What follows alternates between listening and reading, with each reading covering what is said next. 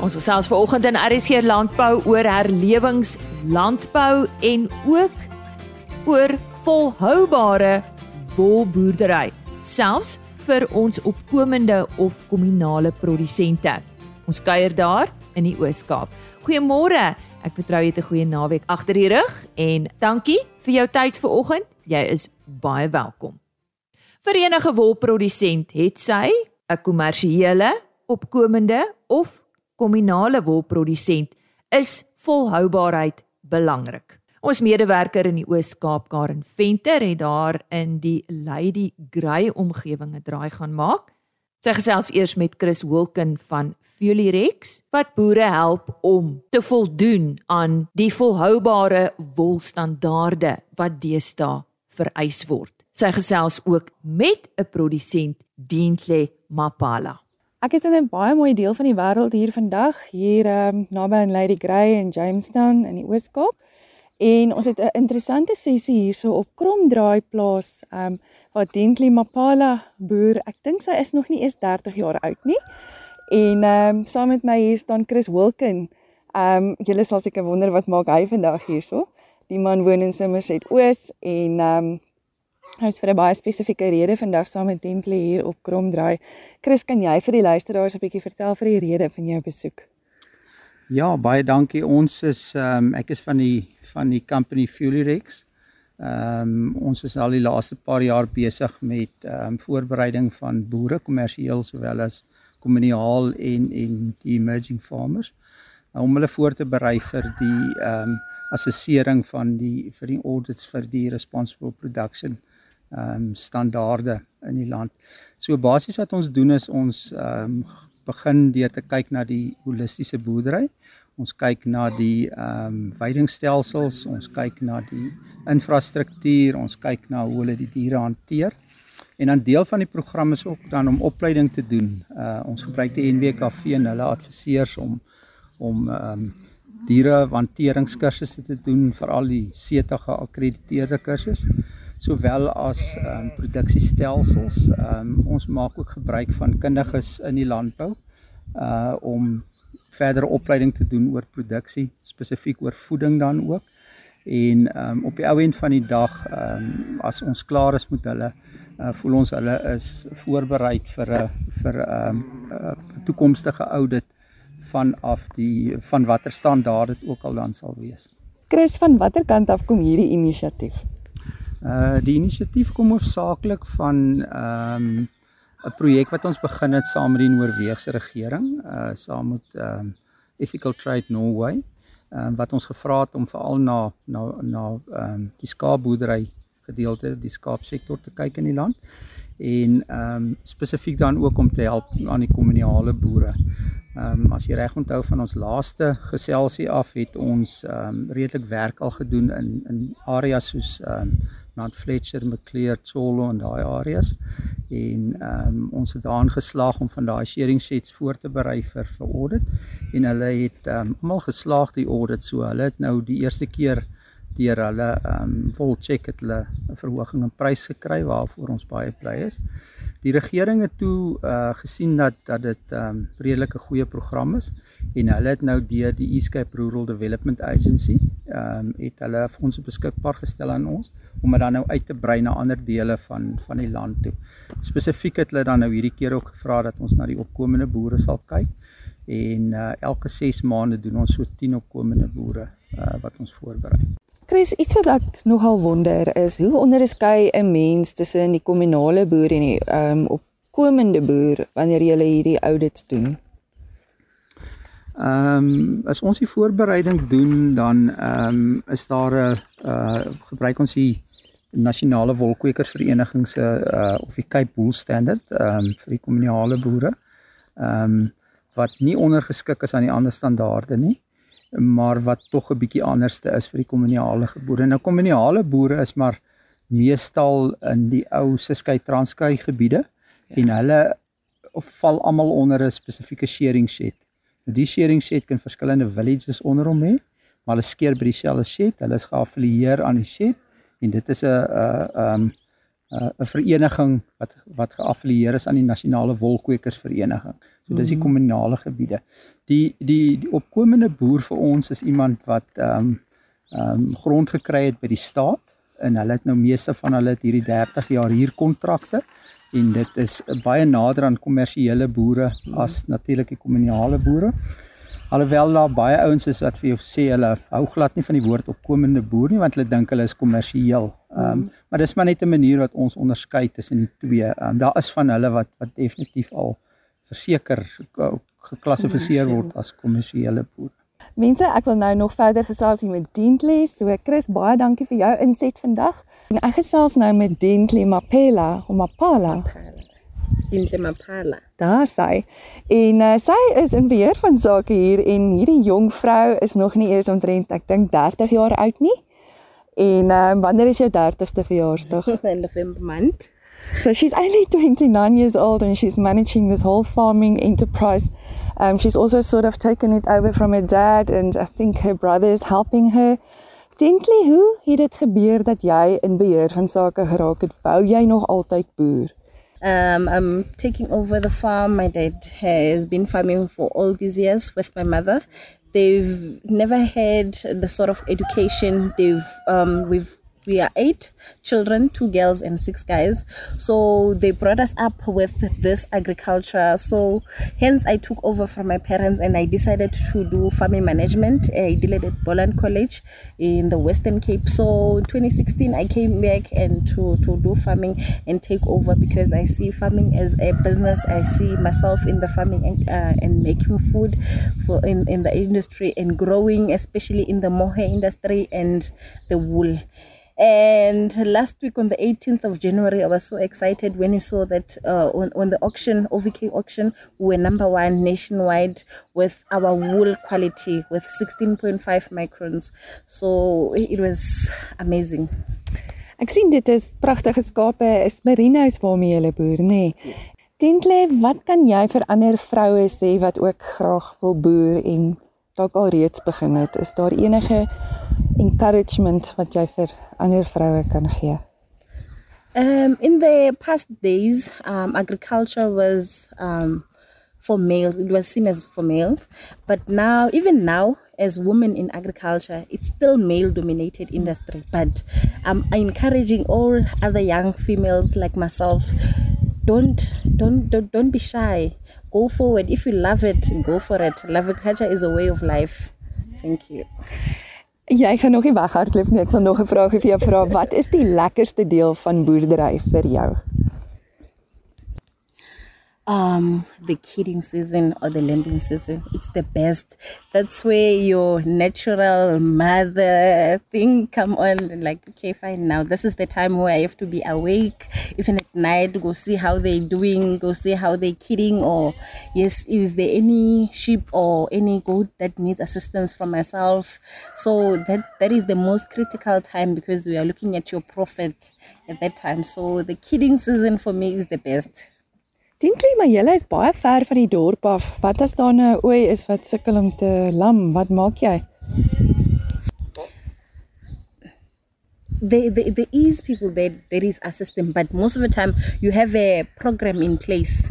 So you follow the program, you know exactly from that date I'll be expecting um kid um these ewes to to kid or maybe the, the the first ones like we start with the younger ones that they lamp or kid first. So you'll be there with them. So even we make shift okay um you know after a few hours you, you go check. You have to be here. Mm. you can be away from the farm when especially that time. So being away from your farm is like um being nearer to your problem.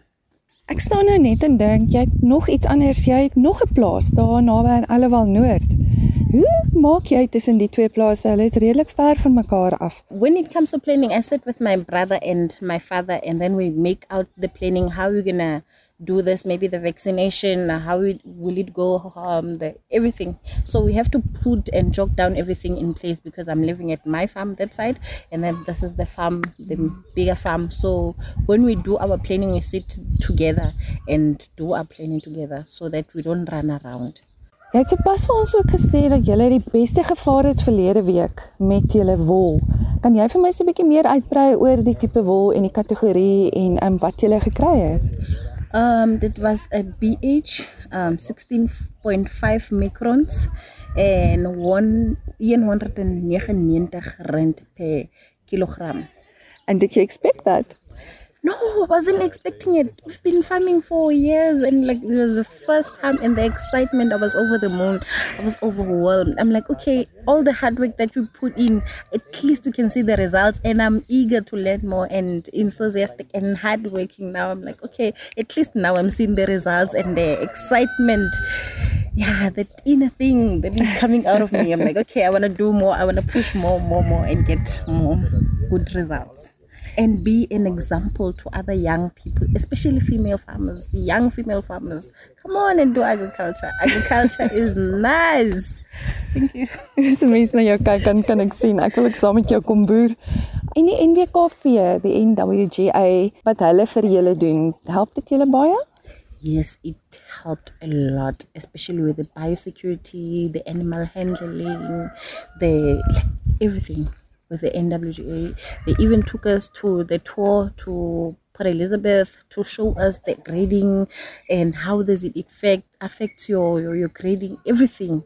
Like from from the farm and beyond. Because you, when you're a farmer, you know only inside the gates what happens inside the gates of your farm and when you go out you don't know and what you expect and what are those wool um, doing because we know okay wool is making clothes but you don't know the things that the, the factors that are that's affecting wool beyond the gate. So when we went outside and went to OVK and visited, we saw exactly and okay now this is how can I change the way that I'm doing things? How can I class my wool?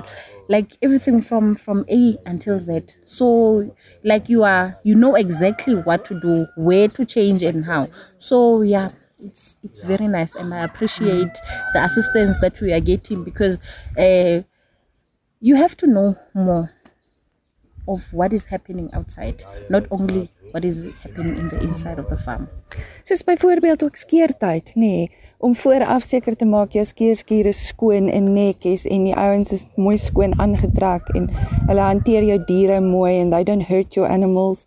Um so it includes all of those factors as well it includes all of those factors mm. because you know if um, the length also plays a, a, huge factor as well when it comes to to your wool as well so everything it's like a chain it's yes. like a chain everything connects with each other so yes it helps a lot and thank you to NWGA as well En baie lank daar's iemand so entoesiasties gesien. Ek dink ons kort meer vroue in die bedryf soos Dentley.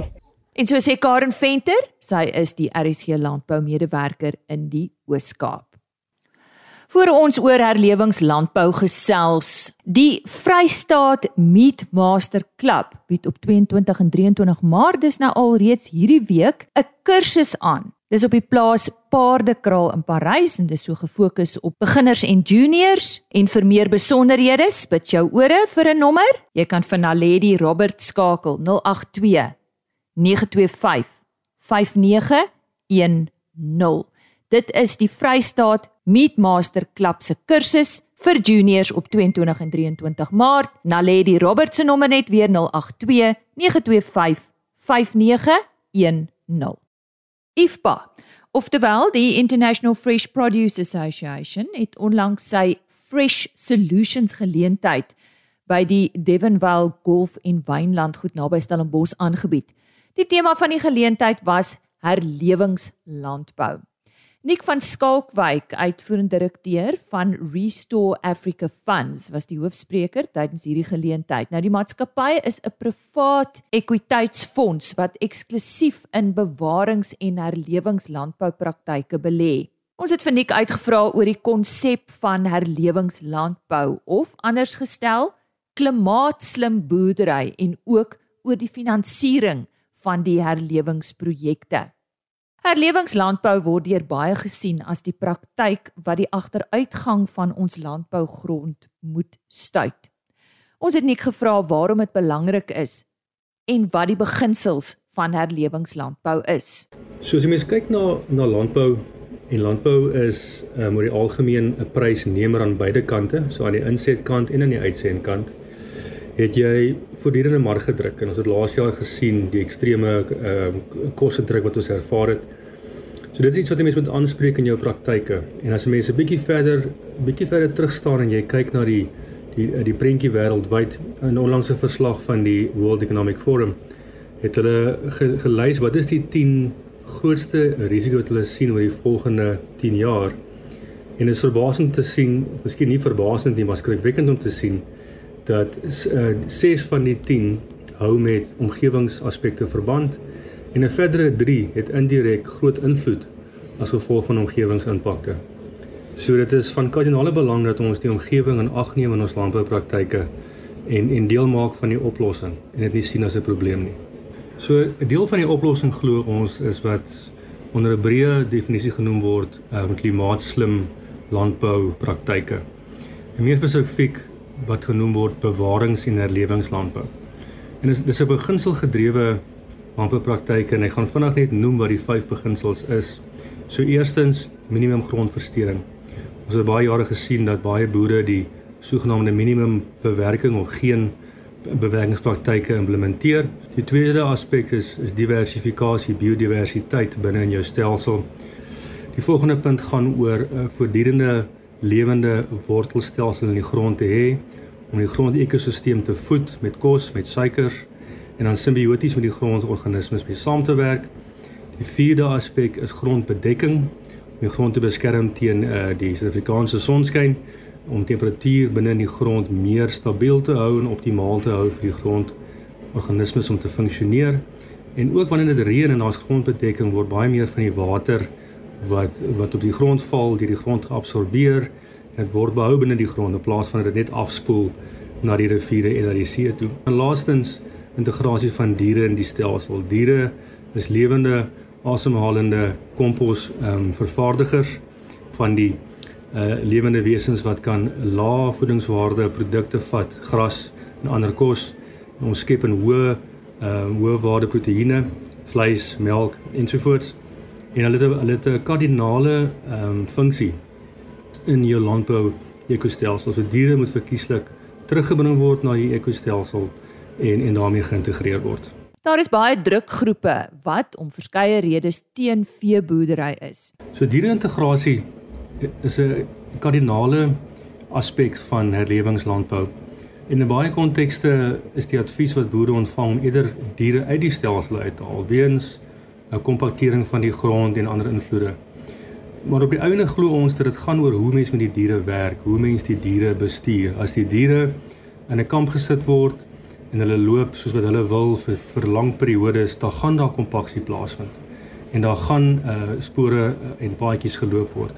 As mens die diere egter beter bestuur, meer in tydsbestuur of of gereeld skuif, praat van 'n uh, 'n hoë digtheidsbewyningspraktyke of ultra hoë digtheidsbeweringspraktyke waar die diere baie meer intensief die areas bewy dan eers weer uh 2 maande of of of 6 weke later dieselfde area kom bewy en die area dan tyd gehad om te herstel en en die diere kan dan weer die area benut.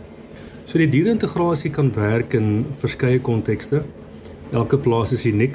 So die diere-integrasie werk ook in jou wat werk in die akkerbou area maar dit kan ook werk in die vrugteverbouingsarea, die groenteareas, ehm um, die ehm um, neutverbouingsareas waar diere geïntegreer word in die boorde, kleiner diere ook in uh, in in in hokke wat skuif, wat aanbeweeg soos vir die diere wy met die hand of of outomaties en dat die mense dan diere integrasie het en ook verkieslik soveel diversifikasie as moontlik. So nie net beeste nie, beeste, skape, bokke en dan ook pluimvee afhangende van die konteks. Herlewingslandbou vereis 'n totale kopskuif van produsente.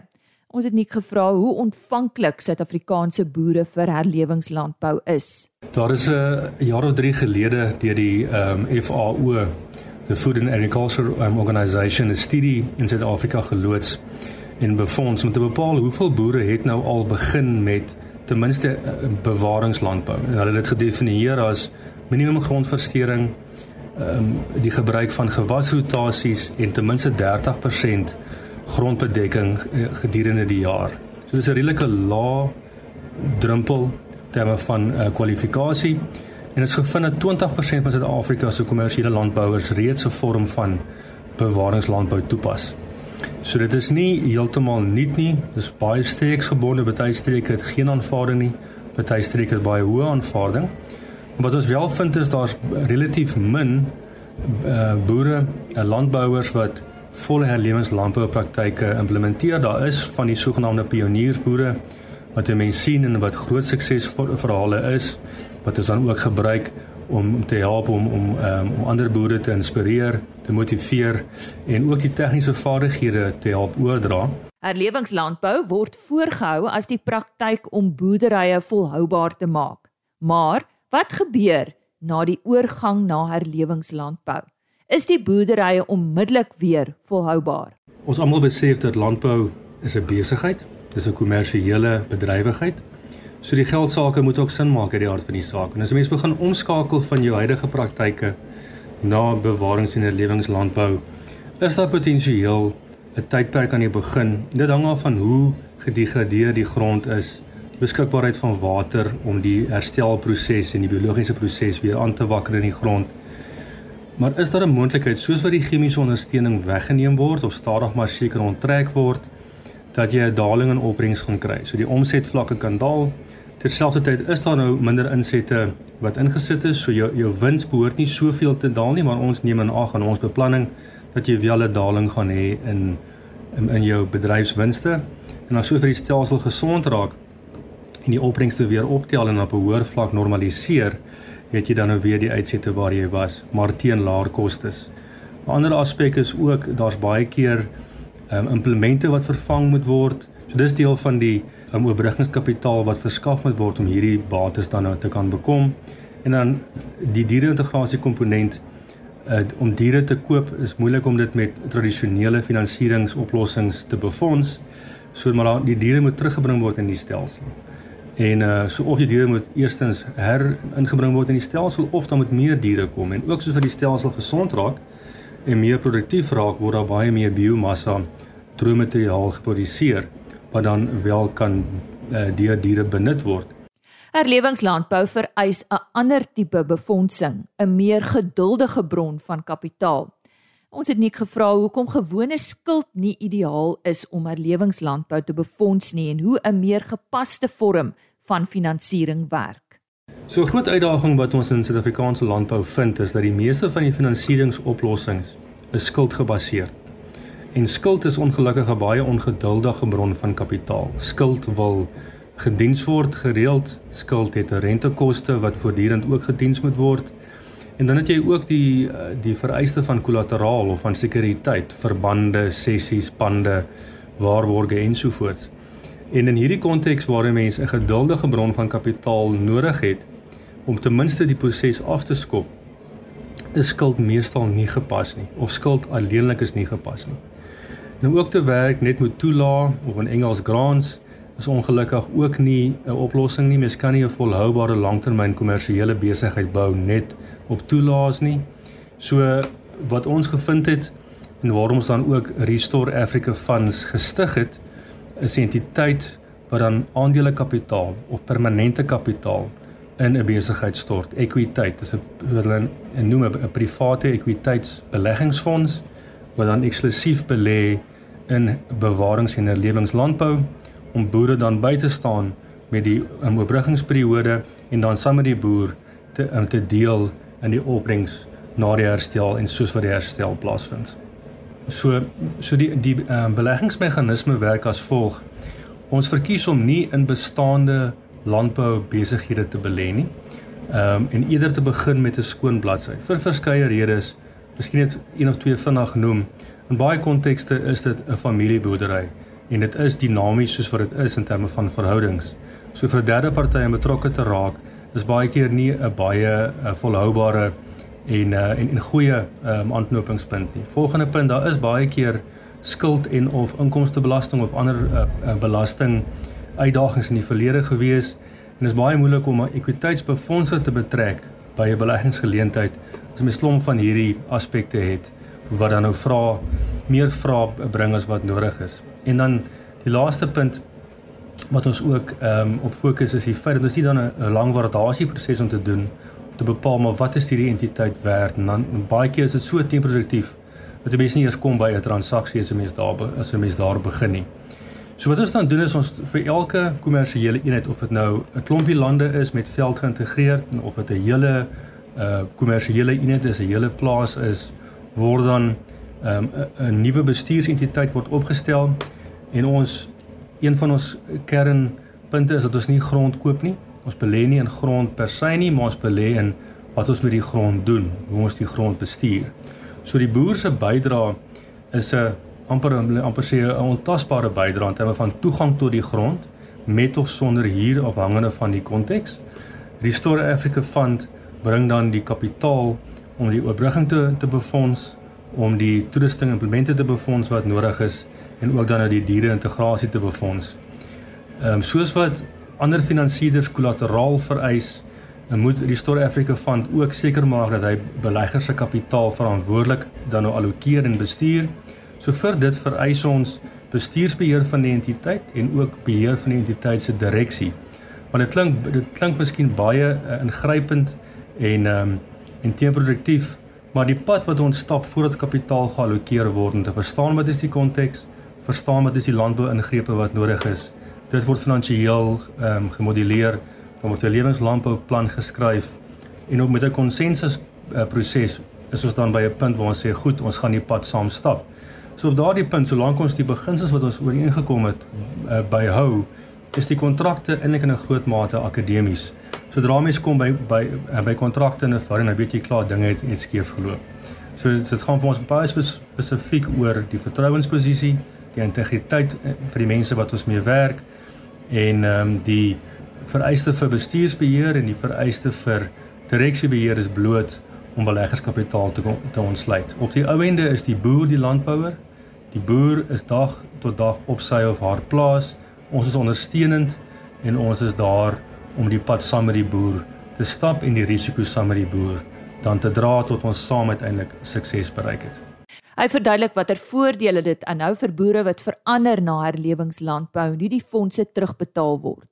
So in hierdie konteks waar 'n mens verander van 'n stelsel wat bekend is, uh op hierdie stadium vind boere wat die omskepping wil doen dit feitelik onmoontlik om eksklusief met bankfinansiering dit te doen, jou tradisionele finansieringsmeganismes. So in baie gevalle sal die boer nie die skuif kan maak om dan te begin op die pad van herlewingslandbou nie. So een voordeel deur met Restore Africa van saam te werk is iemand entiteit wat in Suid-Afrika afkom wat kapitaal van die buiteland af in om dan dit in Suid-Afrikaanse landbou te te belê en saam met die boer die pad te stap. So dis 'n befondsingsmeganisme wat nie van tevore ter sprake was nie. Dit was nie beskikbaar gewees nie. Dit dra ook saam met die boer 'n risiko waar ander forme van kapitaal eerste in die ry staan in terme van terugbetaling ons uh, kapitaal staan langs die boer en neem saam met die boer risiko en daarom deel ons dan ook in die toekoms saam met die boer in die opbrengste tot op 'n punt. En ons mandaat en ons doelwit is om die verandering te kataliseer en dan die verandering en die omskepping uh, te ondersteun tot op 'n punt waar ons dan kan uitklim en die uitklim word of die uitverkoop word dan behartig deur middel van 'n 'n terugkoop van die fonds se belang in die bedryfsentiteit deur hulpbronne wat binne in die bedryfsentiteit opgebou is. So behoue winste, miskien 'n gedeelte van die van die kudde wat dan verkoop word um, om dan die kontante genereer om die fonds uit te koop. Daardie aandele word dan gekanselleer en die landbouer, die boer, die grondrentmeester is dan weer die voleienaar van die entiteit en gaan dan met 'n met 'n landbouentiteit aan waar die grond gesond gemaak is en waar jy dan 'n kommersieel kan aangaan met 'n lewenslandbou praktyke die toekoms in. Dis dan Nick van Skalkwyk, uitvoerende direkteur van Restore Africa Funds en hy was die hoofspreker tydens die Fresh Solutions geleentheid op Stellenbosch wat aangebied is deur IFPA of die International Fresh Produce Association. Lekker vol program weer eens vir oggend. Onthou indien jy enige inligting benodig, e-pos gerus rsglandbou by www.rsg.za. Totsiens. RSG Landbou is 'n plaas media produksie met regisseur en aanbieder Lize Roberts en tegniese ondersteuning deur Jolande Rooi.